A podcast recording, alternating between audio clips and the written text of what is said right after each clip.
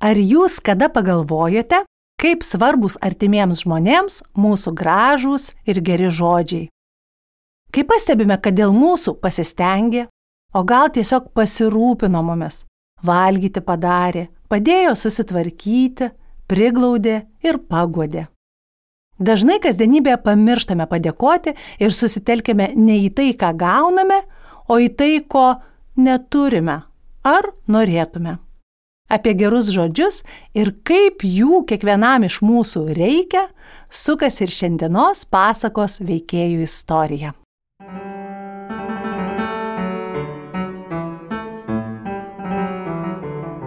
Sveiki, aš esu Kristina Savickytė ir džiaugiuosi, kad įsijungėte mano kūriamą tinklalaidę vaikams pasakas uodega. Jei tai padarėte pirmą kartą, labai kviečiu atrasti ir anksčiau pasirodžiusias pasakas. Gal apie devynis brolius, ar stebuklingasias girneles, o šiandien seksiu vokiečių pasaką Nikštuko kepurėlė. O tada kviesiu kartu su manimi gaudyti pasakos uodegą. Pasiruošę, įsitaisykite patogiai ir įdėmiai klausykitės.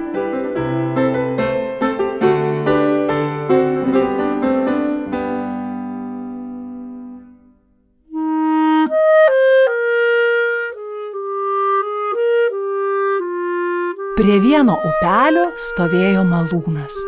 Klip, klap, klip, klap. Sukosi jis dieną naktį, nes buvo vienintelis visoje apylinkėje ir visų kaimų žmonės vežė malūnininkui savo grūdų smalti. Dėl to malūnininkas galėjo tik džiaugtis, gyventi su savo pačia ir vaikais kaip tikras ponas ir švilpauti. Bet jis šito nedarė, mat buvo didelis šikštuolis. Gailėjo visko ne tik kitiems, bet ir savo. Nelaikė nei berno, nei mergos, pats plūkėsi nuo ankstaus ryto iki vėlaus vakaro. O dar baisiau spaudė prie darbo savo vargšę pačią.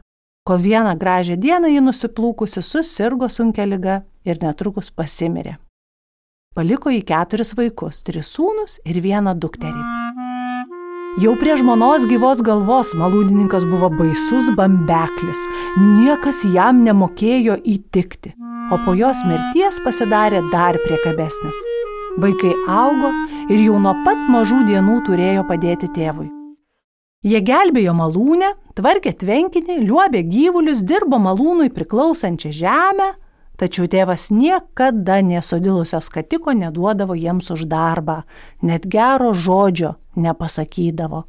O ir namų ruošoj viskas ant vaikų pečių gulėjo - virti ir kepti, skalbti ir šluoti, plūkti su antimis ir žasimis, su vištomis ir triušiais ir vis tiek vis gaudavo barti, kad tas nepadaryta, net taip sutvarkyta. Tėvas vakare vos labanaktis išlemendavo, o apie gerus žodžius vaikai net svajoti negalėjo. Taip jie ir tempė tą jungą. Tačiau vieną dieną malūnininkas nei iš šio, nei iš to vėl susirėjo su savo sunumis, išdėjo juos į šuns dienas, išvadino valkatomis, tinginių pančiais, slunkiais, nevertais vadintis padarau žmogaus sunumis. Ir dabar Martynui, vyresniajam sūnui, trūkt, trūko kantrybė. Jis kaip tik buvo bekelęs ant pečių pilną miltų maišą, bet perpikęs šlumšt taip trenkė jį tėvui po kojų, kad siūlės purkšt, perplyšo ir malūnininką apgaubė baltų dulkių debesys. Gana, prisiklausiau tavo užgauliojimų, sušuko jis, užteks jų, padarų šeimininkas bernus geriau užlaiko. Manai, kad mes tavo sūnūs, tai turime visą gyvenimą taikstyti su tavo užmačiom? Šiandien pat išeinu iš namų. Ak, tu netikša, nesitverdamas piktumu suriko tėvas. Ei, kur tavo kojos neša ir man akise daugiau nesirodyk. Martynas piktai nusisuko nuo tėvo ir padaukšti išėjo į kiemą. Tuo metu sodė dirbo Lenė, sesuo. Ji girdėjo barnį ir dabar pribėgusi užstojo broliui kelią. Tu nori mus palikti? sušuko ji. Ir kurgi tu dėsies? Išeini kaip elgeta iš tėvo namų, net ryšulėlio nesusirišai, nepasėmiai nei pinigų, nei drabužio. nei duonos kasnio. Nieko man nereikia, pertraukė į seserį. Seniai jau dėrėjo tą padaryti. Vis tiek nėra čia su tėvu gyvenimo. Ar tu nežinai, kad arčiau negu už mylios nuo mūsų malūno yra nikštukų kalnas? Daug kartų motina mums apie tai pasakojo. Ten gyvena žmogeliukai, jie turi susikrovę didžiausius lobius. Ir kiekvieną mėnesį, kai būna pilnatis, mažieji išeina iš savo kalno ir švenčia šventę. Jie šoka ir dainuoja, straksi, strapalioja ir iš džiaugsmo mėto į orą savo kepuraitės. Ir jei kam pavyksta taip kepuraitę nudžiauti, tas turi pinigų kaip šieno. Tada visi nikštukai yra jo rankose ir jis gali už kepuraitę pareikalauti išpirkos - daug aukso, sidabro ir brangakmenių. Sesuo išbalo. O ar tu nežinai, kas atsitinka žmogui, jei kepuraitės nepavyksta nutverti? Juk ir tai mama mums pasakojo nikštukai suima jį ir uždaro į savo kalną. Ir tada jau sudė saulė ir menuliui, niekada daugiau jų nepamatysi. Gerai žinau, bet tas manęs negazdina. Kas nieko nedrįsta, tas nieko nelaimi. Šį vakar pilnatis ir kas nuspręsta, nuspręsta. Jis padavė seseriai ranką, atsisveikino ir nuėjo. Mėnulis dar nebuvo patekėjęs, kai atėjo į miško pievą, plytinčią nikštukų kalno papėdėje. Čia buvo aiškiai matyti, kur tų žmogeliukų šokama. Aukštoje žolėje juodavo apvaliai aikštelė, taip nutripta, taip nulutenta, kad ten neaugo niekokia žolytė. Netoli jos kerojo gana tankus krūmas. Martynas pasislėpė tame krūme ir ėmė laukti. Ir tikrai, vos tik sidabrinė menulio pilnatis padrumst, pakilo virš horizonto, kalnas staiga kūšt, atsivėrė ir pasigirdo maloni muzika. Tiesa, pačių nikštukų Martynas nematė, nes su kepuraitėmis ant galvos jie buvo neregimi tačiau iš kalno gilumos sklido kažkoks spindesys ir tviskėjimas, o žavūs muzikos garsai vis artėjo ir artėjo. Staiga nuskambėjo skardus daugiabalsis džiaugsmo šūksnis. Dabar jie subėgo į šokio aikštelę, pagalvojo Martynas, dabar pradės. Ir tikrai, netrukus jis pamatė, kaip viena po kitos švyst išlėkė į orą kepuraitės ir vienas po kito pasirodė nikštukai. Vienas žmogeliukas stovėjo visai prie pat krūmo, kuriame tykojo Martynas. Staiga jo kepuraitė švyst, išlėkė į orą, nukrito ant krūmo ir įsipainiojo į šakas. Martynas tik kyšt ranką ir jau grieps, dėja nespėjo. Nikštukas žaibo greitumu skokt, prišoko prie krūmo, pasičiupo kepuraitę ir kad pagaus rėkti, kad pagaus klykti, mat pamatė kyštelėjusią iš krūmo žmogaus ranką. Gelbėkit vagys plėšikai, čia guli vienas ir tyko pavokti mūsų kepuraitę. Akės mirksniu nutilo muzika ir Martynas pajuto, kaip jį apsupo nematomieji. Šlumšt pargriovė ant žemės ir surišo. Jis negalėjo pajudinti nei rankos, nei kojos, net liežuvis jo neklausė. Šitai baimė sukaustė visą kūną. O nikštukai brūkšt, brūkšt nusigabeno belaisvį kalną į pačią jo gelmę. Ten nuėmė pančius ir jis turėjo jiems dirbti, nebetekęs vilties dar kada nors išvysti saulės šviesą. Nesulaukdama grįžtant Martyno, Lenė diena po dienos darėsi vis liūdnesnė. Ką tu ir vėl žliumbi? barė ją tėvas. Gailiesi brolio šito nenaudėlio, be reikalo, šitokių velnės negriebė. Tėvui ji negalėjo įsipasakoti savo skausmo, tačiau abiems broliams pasakė, ką Martynas buvo sugalvojęs ir kad per tai jis matyt ir pražuvo.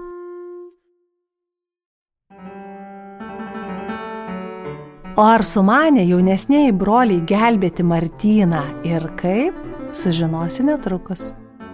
Mėly klausantys suaugusieji, kreipiuosi į Jūs.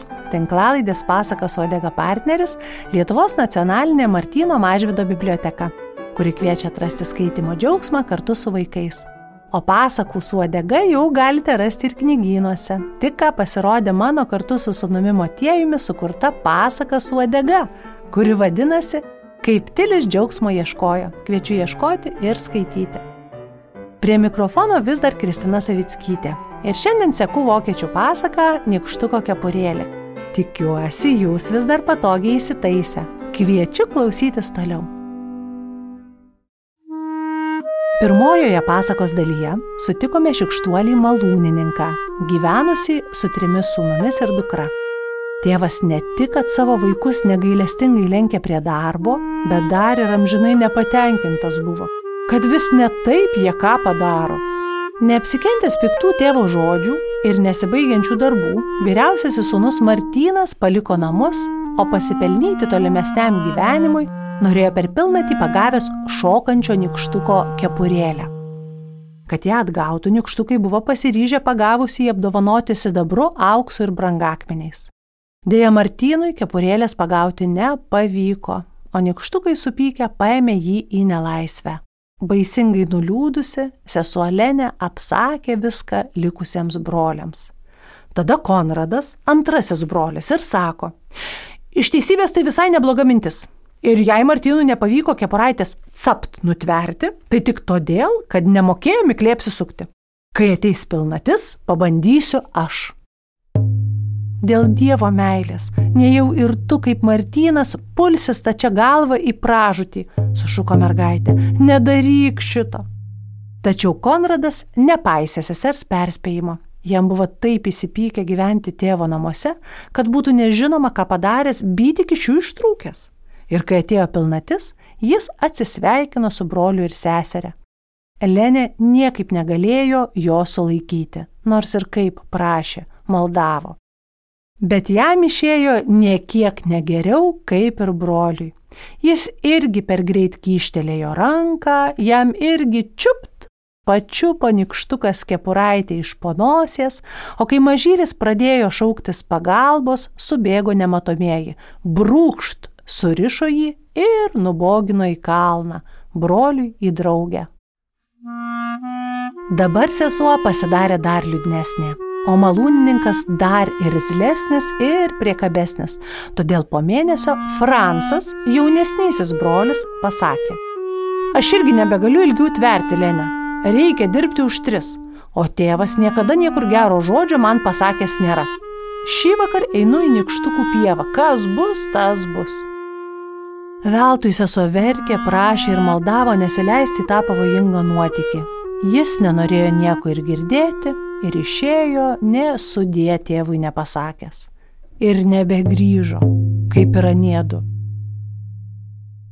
Sunku ir apsakyti, koks liudesys prislėgė seserį, netekus ir jauniausiojo brolio. O čia dar ir visi darbai sugriuvo ant jos pečių, bet to tėvas kasdien grėžė apmaudą, keikė nedėkingus savo sūnus ir nenorėjo suprasti, kad dėl visko tik jis pats yra kaltas. Taip slinko savaitė po savaitės ir vis labiau artėjo kita menulio pilnatis. Galų gale mergaitę pradėjo kankinti vis didesnis ir didesnis nerimas. O gal kartais nudžiauti šitokią kepuraitę jai pasisektų? Ne, ne auksas ir sidabras jai rūpėjo, ne pinigai ir brangenybės. Ji tik norėjo išpirkti vargšų savo brolius ir vėl juos išvesti į dienos šviesą. Šita mintis nedavė jai ramybės nei sapne, nei tikrovėje. O kai atėjo pilnatis, ji tarė, tėve, dabar išeinu aš, mano pagalbos laukia broliai. Ne, sušuko senis, tau nevalia palikti manęs vieno, aš tau draudžiu. Jis norėjo užstoti jai kelią, uždaryti duris, bet duktė mikliai prasmuko pro šalį ir nespėjus jam užšauti sklaščio, išbėgo laukan. Į pievą jie atėjo leidžianti sauliai. Pamatė aikštelę, kur nikštukų šokama, pastebėjo ir krūmą, tačiau nusprendė ten nesislėpti. Šlumšt atsigulė prie pat aikštelės į aukštą žolę. Vos tik menulis padrumst, pakilo virš medžių, kalnas kūšt atsivėrė ir suskambo muzika. Iš pradžių švelniai ir tyliai lygi iš tolo, o paskui vis arčiau ir garsiau. Paskui jai ausis užspengė tūkstančia balsis džiaugsmo šūksnis ir ji pamatė skryst, švyščiojant į orą kepuraites ir šokant nikštukus. Muzika grojo vis greičiau ir greičiau ir vis daugiau kepuraičių kilo į orą ir leidosi žemėn, o viena nukrito visai prie pat jos. Bet ji nė nekrustelėjo, tik gulėjo ištiesusi be rankas, o širdis taip daužėsi, tuk, tuk, tuk taip tvaksėjo krūtinėje, jog net baugu buvo, kad to tuksėjimo neišgirstų nikštukai. Štai ir kita kepuraitė šlept nukrito į žolę, visai čia pat. Mergaitė tik užgneužė kvapą ir nekrust. Paskui šlept dar vieną, bet šįsik tiesiai jai ant delno. Dabar ji tik spust delną ir jau laiko ją saujoje. Vos tik kepuraitė atsidūrė jos rankoje, ji aiškiai pamatė, kas čia aplink dedasi. Nikštukas, kurio buvo toji kepuraitė, pagavo baisingai rėkti ir aimanuoti. Tuoj pašlivikšt sulėkė subėgo jo draugai, bet nieko negalėjo jam padėti.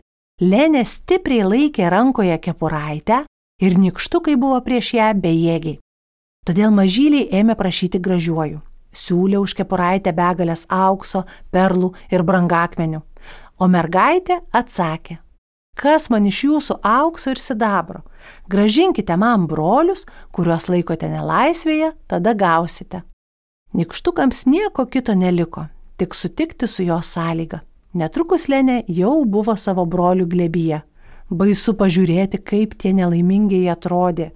Buvo visiškai susibaigę, išgeltę kaip vaškas. Dabar duokit čia vežimą, paliepė mergaitė nikštukams. Nenorėjo, kad nusigalavę broliai dar plūšintų pėsti tokį ilgą kelią. Ir pargabenkit mus namo. Kai mes visi keturi sveiki gyvi parvažiuosime į tėvo kiemą, tada aš gražinsiu kepurėlę jo savininkui.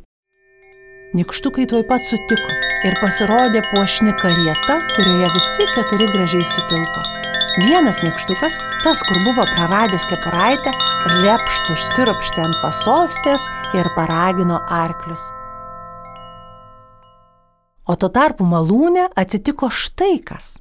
Kai malūnininkas suprato, jog nebesulaikys dukters, jį pagavo toks siutas, kad skokti šokęs tarp durin palydėjo ją su visais velniais ir perkūnais. Bet paskui staiga Viskas aplinkui pradėjo suktis ir jis drumst susmuko ant žemės, lik smūgio ištiktas. Kai pagaliau atsigavo, jam pasirodė, kad visas gyvenimas antrą kartą slenka pro akis. Jis pamatė savo pačią, vaikus, išgirdo juos verkiant ir skundžiantis, išgirdo save bambant ir barantis, keikiantis ir plūstantis ir galų gale jį išmušė šaltas prakaitas. Taip, dėl visko kaltas aš pats, sušuko jis. O kad sugrįžtų mano vaikai, kad tik jie sugrįžtų, blogo žodžio daugiau iš manęs neišgirstų. Vos tik ištarė tuos žodžius, o kieme jau dir, dir, dir, dar deratai ir įvažiuoja karieta, lyg malūnas būtų sulaukęs garbingų svečių. Štai kažkas jau artėja prie namų. Duris atsidaro ir įeina vaikai, visų priekyje Lenė. Jis įgando pamačiusi tėvą gulinti žemėje, puolė prie jo ir sušuko. Atleisk, kad palikau tave vieną. Ne, tai jūs man atleiskit, atsakė malūnininkas ir staiga silpnumą kaip ranka nuėmė. Jis vėl pakilo nuo žemės. Atleiskit, kad aš nuo pat jaunystės apkartinau jūsų gyvenimą. Daugiau šito nebus. Nuo tos dienos malūnininkas atidavė malūno vadžią savo sūnums, namų raktus dukteriai, o pats pasitraukė ant išimtinės. Dabar namuose viešpatavo taika ir ramybė. Ir sūnus ir Lenė buvo darbštus ir uoliai dirbo savo darbą. Visi kartu namus prižiūrėjo ir tėvą draugė karšino. Kasdien įdėjo juokas, geri žodžiai ir prisiminimas apie senasias piktas dienas nutolo. O nikštukas atgavęs savo kepuraitę nepamiršo už gerą geru atsilyginti. Saugojo malūną nuo visokiausių negandų. Upė niekada neusemdavo laukų, gyvulių nepersekiojo maras, žmonių lygos. Tada visi linksmi ir laimingi gyveno lygi savo dienų galo.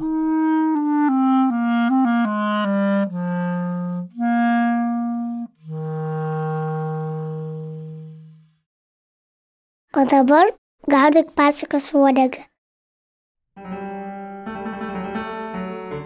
Na, mėly maži ir dideli klausytojai. Visų pirma, kviečiu pasikalbėti su mama ar tėčiu, močiute ar seneliu ar kitu augusioju. Kaip ten yra su tomis padėkomis ir gerais žodžiais vienas kitam? Ar dažnai jie jūsų namuose? Jei taip, be galo už jūs džiaugiuosi ir kviečiu gerų žodžių virusą sėti ir plačiau savo daželėje ar mokykloje, kieme ar burelėje. Pastebėkite, ką galite pagirti ir už ką padėkoti.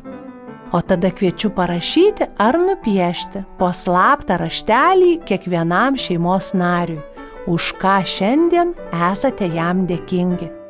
Padėkite ten, kur jie galėtų raštelį rasti. O tada apsiginkluokite kantrybę. Kartais rasti slaptus raštelius užtrunka. Jei kantrybės turite mažokai, tai meskite slaptumą į šoną ir tiesiog įteikite savo raštelį mamai, tėčiui, sesiai ar broliui. O gal ir kam kitam. Pagausiu, pagausiu, pagavau. Pasakose kartais galime rasti žodžių, kurių kasdien nesutinkame ir patys nevartojame. Dabar kviečiu sugauti keletą retų ir nuostabių šiandieninės pasakos žodžių. Visų pirma, pagavau krūvą negirdėtų ištiktukų. Šlumšt, kūšt, padrumst, kyšt, skokt, repšt, pašlivikšt ir dar daugiau. Ar girdėjai juos? Pasakose ir istorijose dažnai gali juos sutikti šalia žodžių, kurie nusako kokį nors veiksmą. Skokt pašoko, šlumšt nukrito, kišti kišo. Be to, kad nuspalvina kalbą ir padaro ją įdomesnė klausytis, ištiktukai labai gerai mankština ir liežuvį. Tad kitą kartą, klausydamas pasakos ir išgirdęs tokį žodį, pabandyk juos ištarti kartu su manimi ar kitų pasakos sėkėjų. Kitas mano pagautas žodis - pati. Kas tai yra? Tokiu žodžiu seniau žmonės vadindavo žmona. Dar vienas pagautas žodis - siutas. Kas tai yra? Tai pyktis. Ir kai girdime, kad malūnininką pagavo siutas, vadinasi, jis labai supyko. O kokiu nuostabiu žodžiu jūs pagavote šioje pasakoje? Tinklalaidę pasaką suodega sugalvojau, adaptavau pasaką ir ją pasiekiau aš, Kristina Savickytė. Pasaką muzikos garsais praturtino klarnetininkas Ignas Daniulis ir muzikos terapeutė Jurgita Žebrauskaitė Talačkienė. Pasakos temą sukūrė ir atliko Ignas Daniulis. Na, o tinklalaidės pradžioje ir dabar skamba Johano Sebastiano Bacho Goldbergo variacija numeris 10, atliekama pianisto Kimiko Išizaka. Tinklalaidė įrašyta Lietuvos nacionalinės Martino Mažvido bibliotekos garso įrašų studijoje. Garso režisierė Katažina Bitoft. Jei norite nepraleisti naujų pasakų su odega, būtinai paprašykite tėvų prenumeruoti tinklalaidę populiariausiose tinklalaidžių platformose. Taip pat visas tinklalaidės su užkulisių reportažais galite rasti mano puslapyje www.savickyte.lt bei Facebook'o paskyroje Pasakas uodega. Ačiū, kad gaudėte pasakos uodegą kartu su manimi. Iki kitų kartų.